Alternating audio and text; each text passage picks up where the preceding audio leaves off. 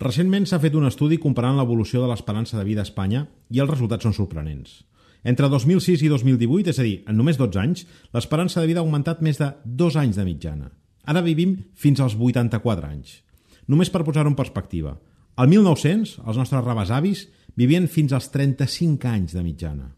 Afortunadament, cada cop vivim més anys i els vivim millor, però també és cert que arribem a la darrera etapa de la nostra vida amb més fragilitat. Els nostres músculs, els nostres ossos i els nostres sentits i reflexes perden capacitats i sovint això es tradueix en una caiguda. Quan els nens o les nenes cauen diem que són de goma. Doncs bé, la gent gran podríem dir que són de vidre. De fet, i segons dades de l'Institut Nacional d'Estadística, el 70% de les caigudes en persones majors de 65 anys comporta conseqüències. I en un de cada 10 casos, les conseqüències són greus. Fractures de maluc, de fèmur, de clavícula... La bona notícia és que podem fer un munt de coses per evitar aquestes caigudes en la gent gran. I avui la repassarem, amb calma i deteniment. Ens ajudarà una persona que ha tractat centenars de persones que han patit algun accident d'aquest tipus. Ell és el doctor Pablo Castillón, especialista en cirurgia ortopèdica i traumatologia del servei Trauma Advance a Àptima Centre Clínic. Doctor, benvingut a la Píndola de Salut. Hola, Marc. Gràcies. Eh, quins canvis pateix el nostre cos a partir dels 65 anys que ens facin tan fràgils?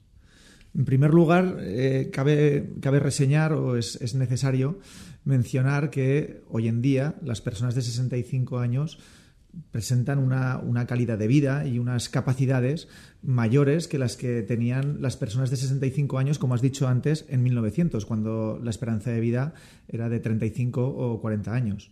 Hoy en día, nuestros escuchantes de 65 años se preguntarán, ¿qué me pasa? Yo con 65 años me encuentro muy bien muchos están todavía haciendo una actividad laboral o, tienen hobbies que les gusta hacer deporte o actividad física eh, casi diaria. Sin embargo, aunque se encuentren así de sanos, así de fuertes, de forma silente, sin que se den cuenta, las capacidades musculoesqueléticas se van deteriorando. El, hueso, la, densidad mineral ósea, va disminuyendo con el paso del tiempo, con la edad. Y la, la musculatura también sufre un, desgaste. Las capacidades musculares tienen un, deterioro. Además, conforme pasan los años, vamos acumulando pequeños achaques. Pues con 40, con 50 aparecen problemas pues, como la hipertensión, la diabetes. Son enfermedades que se van acumulando y que las tenemos en, en, nuestro cuerpo y a partir de los 65 años empiezan a dar cada vez más problemas. Y eso es lo que nos hace frágiles conforme va pasando la edad. Hi ha alguna manera de saber exactament com de fràgils són els nostres ossos? Hi ha alguna, alguna prova que es pugui fer per, per determinar en, en quins paràmetres ens movem? Sí, el, hay, hay bastantes, bastantes, estudios, pruebas que podemos hacer para tener una información completa del, del estado óseo e incluso muscular que, que tiene una persona. Nosotros en, en, en Aptima, eh, en Trauma Advance, eh, tenemos una consulta en la que ofrecemos a los pacientes eh, poder saber o, o, tener una información completa del estado y la calidad de sus huesos. Eh, hay pruebas muy sencillas, como por ejemplo una radiografía simple de columna, que eh, son útiles porque hay pequeñas fracturas que se pueden producir a nivel vertebral, que son pequeños acuñamientos, eh, pequeñas compresiones que pueden incluso haber pasado desapercibidas y con una radiografía las evidenciamos, las vemos. Y eso es un signo de que los huesos son débiles. También hay estudios analíticos que podemos mirar el, metabolismo óseo, el metabolismo fosfocálcico, los niveles de calcio, de, vitamina D, si hay algún problema renal, hepático. Esto se puede evidenciar con, una, con un análisis de sangre. Y hay, hay, una prueba que diríamos que es como el, estándar de oro para ver cuál es la densidad del hueso, que se llama densitometría ósea. Esta prueba a mí, me gusta compararla con, con, los percentiles de los niños. A nosotros nos preocupa, ¿no? Si un niño tiene el peso y la talla, el peso y la altura que le corresponde para su edad, si va creciendo y si va pesando lo mismo que hacen los niños de su edad. Pues eh, con la densitometría ósea es un poco lo mismo. Lo que, lo que queremos saber es si una persona de 65, de 70 años, tiene una densidad de hueso similar o está en la media de la densidad de hueso que tienen las personas de su misma edad, de 65 o 70 años. De no ser así, si su densidad ósea es menor, pues podemos diagnosticar que tiene una osteopenia o una osteoporosis, que quiere decir que tiene menos densidad de hueso que las mismas personas de su edad. Incluso hay algoritmos, hay un algoritmo recomendado por la Organización Mundial de la Salud, el FRAX, que basándose en los datos de la densitometría y otros parámetros, el índice de masa corporal y, otros, otros parámetros, podemos saber o predecir la probabilidad que tiene un paciente de sufrir una fractura de estas que mencionamos, una fractura por osteoporosis o por fragilidad, que son cuatro, sobre todo son cuatro. La fractura de muñeca, la del radio cuando se cae un paciente, la de la cadera, la fractura de la, de la columna vertebral i la fractura de l'ombro eh, a nivell de l'húmero proximal. Uh -huh. uh, aquesta densitometria, com, com, com es fa? Quin tipus de prova és? Es, es, básicamente es como una radiografía vale. para el paciente, que se realiza a nivel de estos puntos críticos que son los que sufren más el, o padecen más la osteoporosis, a nivel de la columna y a nivel de la cadera y con esa prueba radiográfica la densitometría estudia la densidad que tiene el hueso en esa imagen. No es una prueba invasiva para el paciente, el paciente no, no sufre ningún daño, ninguna agresión durante la realización de esa prueba. I a quina edat recomanaries fer aquesta prova? El, esta edad que, eh, que hemos mencionado, ¿no? de los 65 años, parece que es una, una, un momento idóneo para, para realizarla.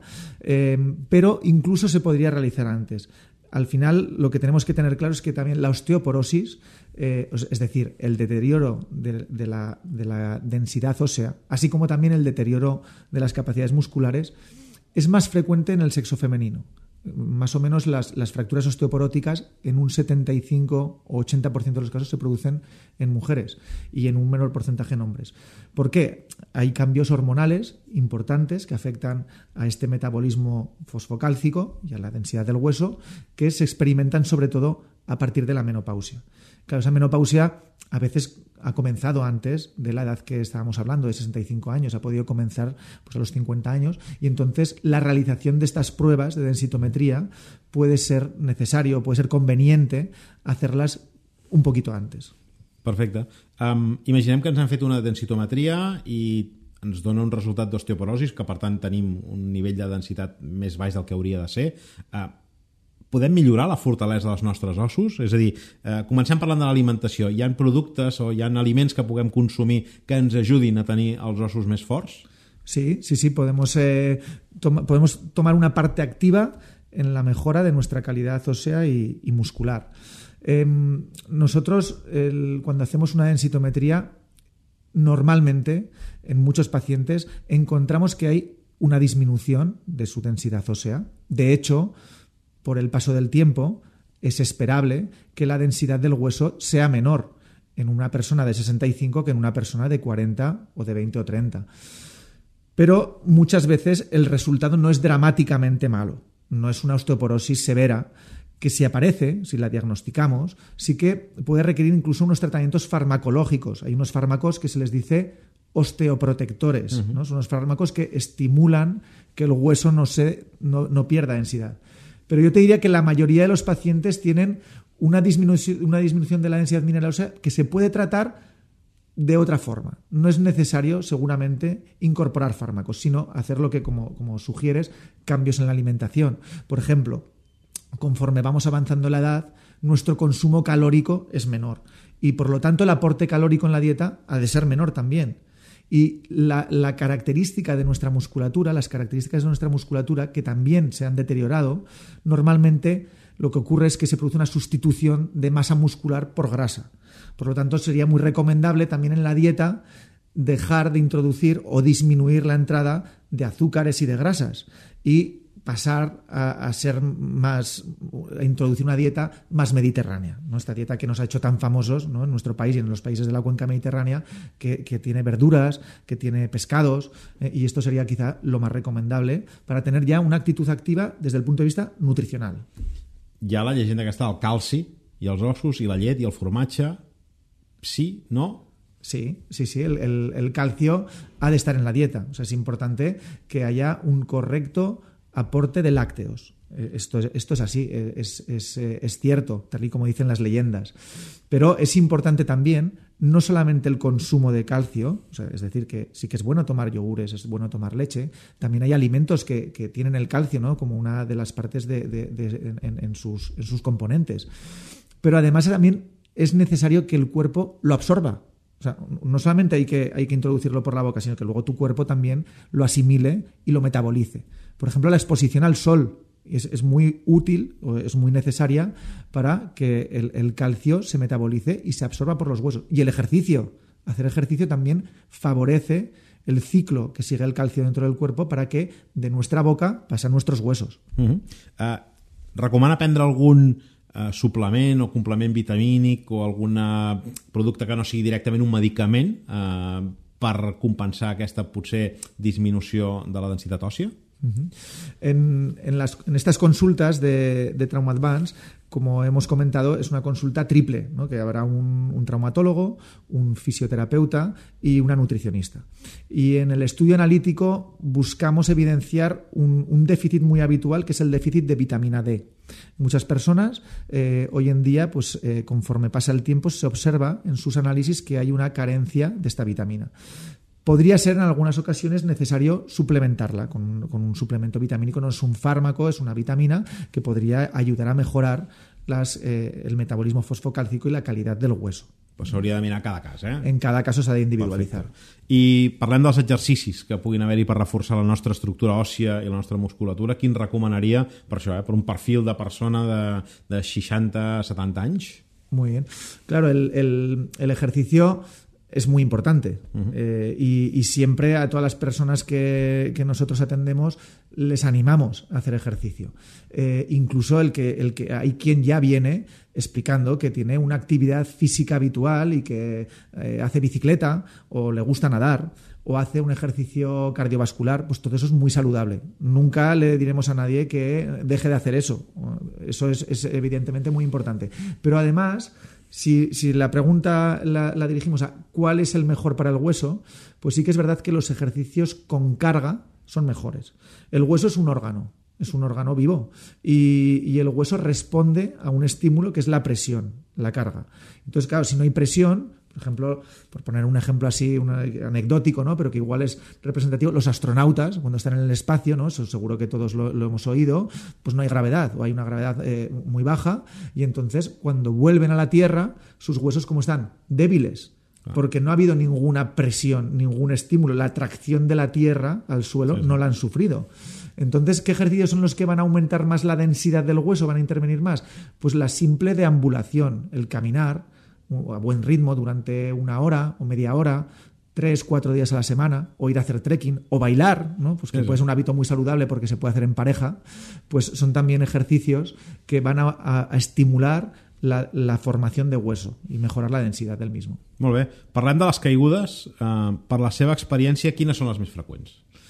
Pues las, las, las caídas normalmente que, que, producen fracturas en personas que, que, ya tienen eh, una edad pues de 65 años en adelante, ¿no? Eh, sobre todo vamos a utilizar ese límite de edad, pues la característica primera es que son caídas de baja energía. Son caídas que, que, se han producido de la propia altura del paciente normalmente. ¿vale? Y, es, y, han producido una fractura.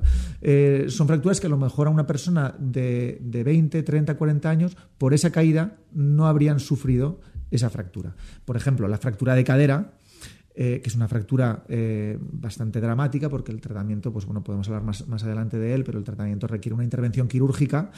Pues la, la, fractura de cadera en una persona joven, de 20 o 30 años, se produce en el contexto de, de, un accidente de tráfico, o una caída de unas escaleras, o un accidente de montaña, ¿no? con una bicicleta o escalando. Pero en una persona más mayor, que ya tiene una fragilidad ósea, se produce por una caída simple, una caída de su propia altura.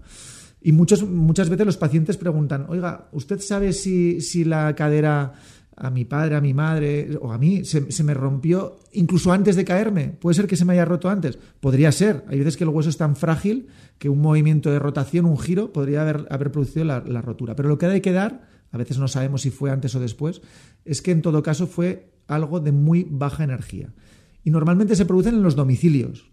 Normalmente las fracturas de osteoporósicas, osteoporóticas o por fragilidad se producen en casa y se producen por cosas, por obstáculos a barreras que tenemos en nuestros domicilios y que no nos damos cuenta. Una alfombra que tiene los, los, los, extremos un poquito plegados, un cable de una lámpara que pasa por en medio del pasillo. Unas zapatillas mal posadas. Eso es. Mal calzat. Un perrito que tenemos en casa, una mascota. una mascota que a veces cruza por delante nuestro cuando nos levantamos por la noche coses així. Uh -huh.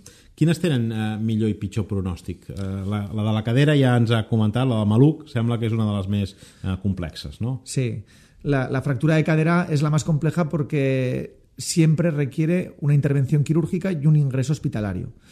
Y generalmente provoca una dependencia posterior. Entonces implica una carga social también, una, una participación de las familias que tienen que pasar a cuidar más a, los familiares cercanos que han sufrido la fractura, que eran independientes y que dejan de serlo como consecuencia de la fractura. Las otras fracturas eh, osteoporóticas, la de radio o la de, húmero proximal, también son engorrosas porque requieren a lo mejor llevar un yeso durante seis semanas o, un cabestrillo. Tienen una recuperación después que puede alargarse durante tres o cuatro meses y también son molestas, pero son menos invalidantes. Al final el paciente puede caminar con el yeso puesto. Què suposa una caiguda? És a dir, com és la intervenció... Eh, estem parlant d'una caiguda que requereix d'intervenció quirúrgica. Eh? Eh, entenc que no és el mateix tampoc eh, intervenir quirúrgicament, operar una persona amb 30 anys que una persona amb 70, per dir alguna cosa. No? Eh, què li suposa? Com és aquest tipus d'intervenció? Quins riscos hi ha de quiròfan? Eh, quin impacte emocional s'ha de gestionar? Eh, com, com, com, com, com ho enfoquen tot això? Claro, son, fracturas que, uno nunca predice cuándo se va a producir la fractura y el paciente, eh, el paciente mayor, muchas veces su cuerpo mm, ya ha sufrido una agresión, que es la fractura y el sangrado importante que produce esa fractura de cadera, y, entonces tiene que, recibir una segunda agresión, que es la cirugía.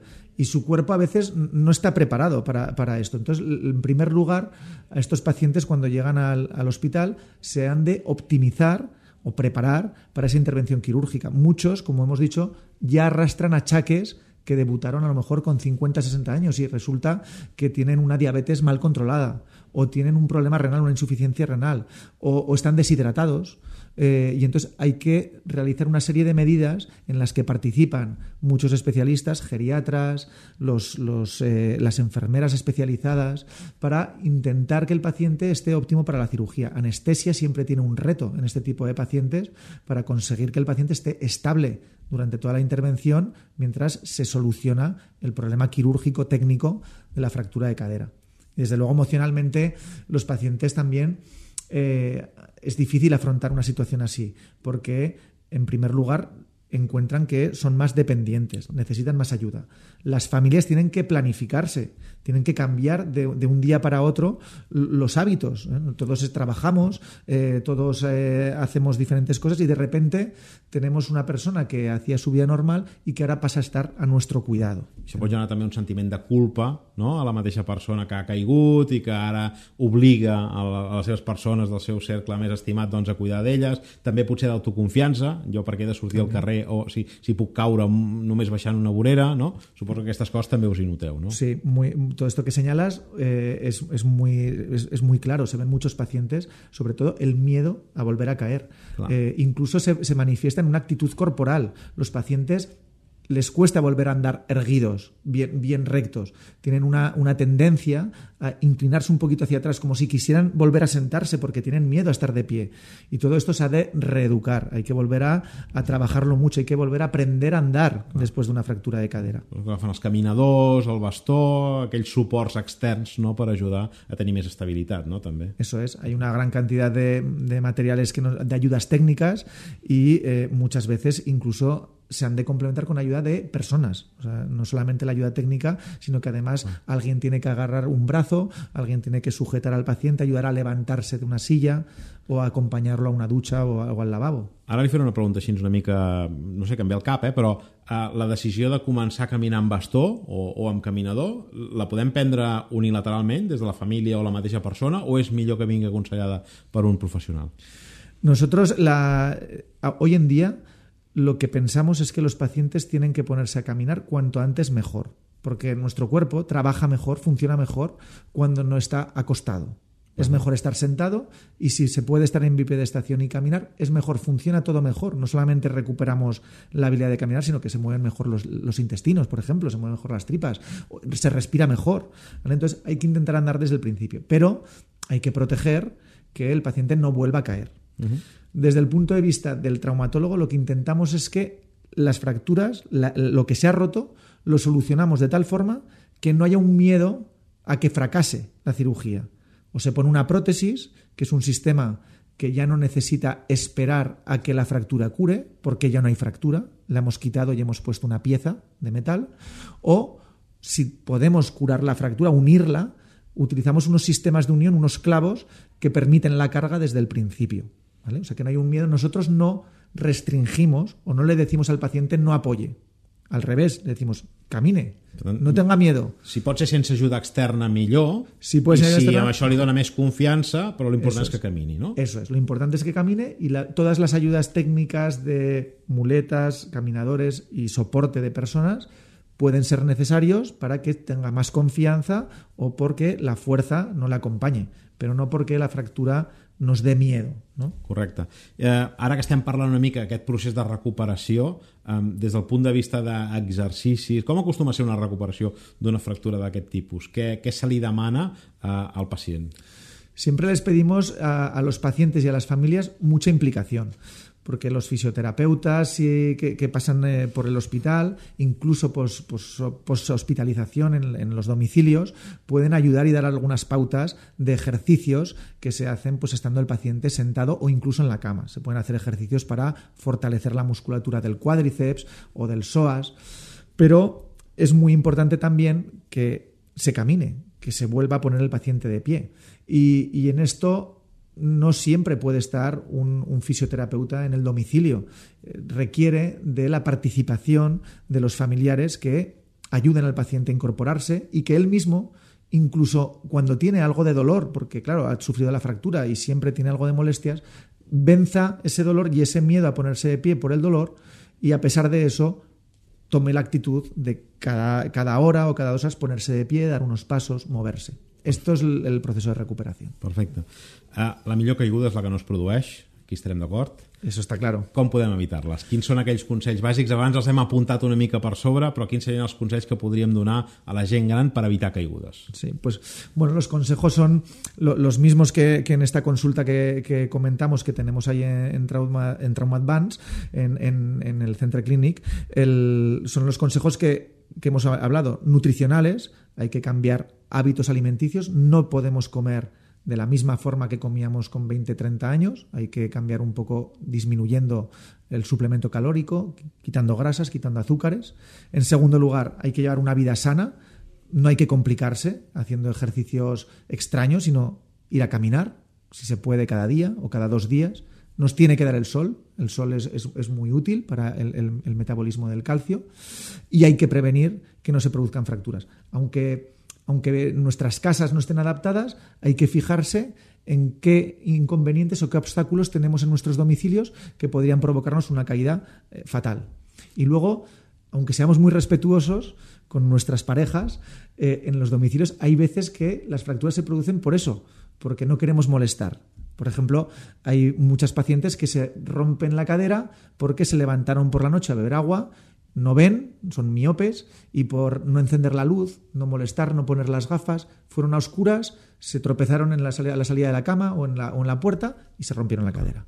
Bueno, pues enciendan la luz, no pasa nada Clar. por molestar un momentito a su Uns pareja. llumets d'aquests petits pilots no? que ajuden a la nit a, a orientar-se o també el tema de substituir el plat de a la banyera pel plat de dutxa, que això ja Estas cosas. comença a ser bastant habitual, però és recomanable segon, a partir de segons quina edat, o de tenir un agafador a la mateixa dutxa, no? suposo que són coses que ajuden, no? Tipo Per son muy evitar- útiles. Evitar sols que són relliscosos i que podries patinar.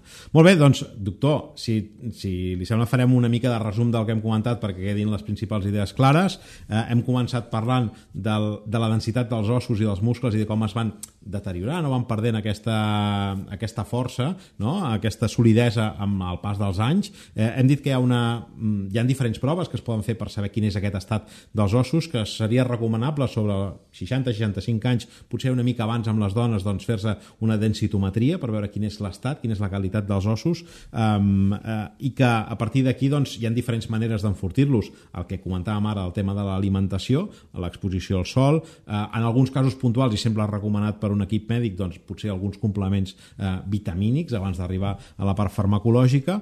Hem dit també que les caigudes més freqüents eh, a la gent gran es produeixen a la seva pròpia altura, eh, que acostumen a afectar cadera principalment, però també ens podem trobar amb la clavícula, ens podem trobar amb el fèmur, ens podem trobar amb el radi, eh, aquestes són les més eh, freqüents, eh, que a partir d'aquí n'hi ha algunes que requereixen intervencions més complexes i d'altres que no ho són tant, la més complicada és la de cadera, és la que té un pronòstic una mica més delicat i que per tant eh, pot acabar afectant més tant emocionalment com físicament a la persona i sobretot generant dependència. Eh, i això és una cosa que ha d'assumir ja no només la pròpia persona sinó també el seu entorn eh, més immediat. i que la manera de eh, la, la millor manera diríem d'evitar tot això doncs és amb la prevenció i per tant és intentar que no caiguem que no caigui ningú i prendre uns consells que són molt bàsics no? que és intentar evitar qualsevol obstacle que tinguem a casa anar ben calçats eh, doncs això que dèiem no? d'intentar encendre els llums quan caminem de nit o quan ens desplacem per dintre sí, casa aquest, aquest tipus de coses que són molt òbvies però que és això, que continuen passant, que potser la gent no les aplica. Més o menys seria això, no? Perfecte. Molt bé. Sí, sí. Doncs, doctor Castillón, jo l'agraeixo molt que hagi, ens hagi acompanyat avui a la Píndola Salut per parlar d'aquest tema que ens afectarà a tots en algun moment o altre. Per tant, jo crec que... I tots tenim gent al nostre entorn d'aquesta edat, per tant, doncs, li agraeixo molt i l'esperem un altre dia a la Píndola. Muchas gracias. Un placer. A, a, a usted.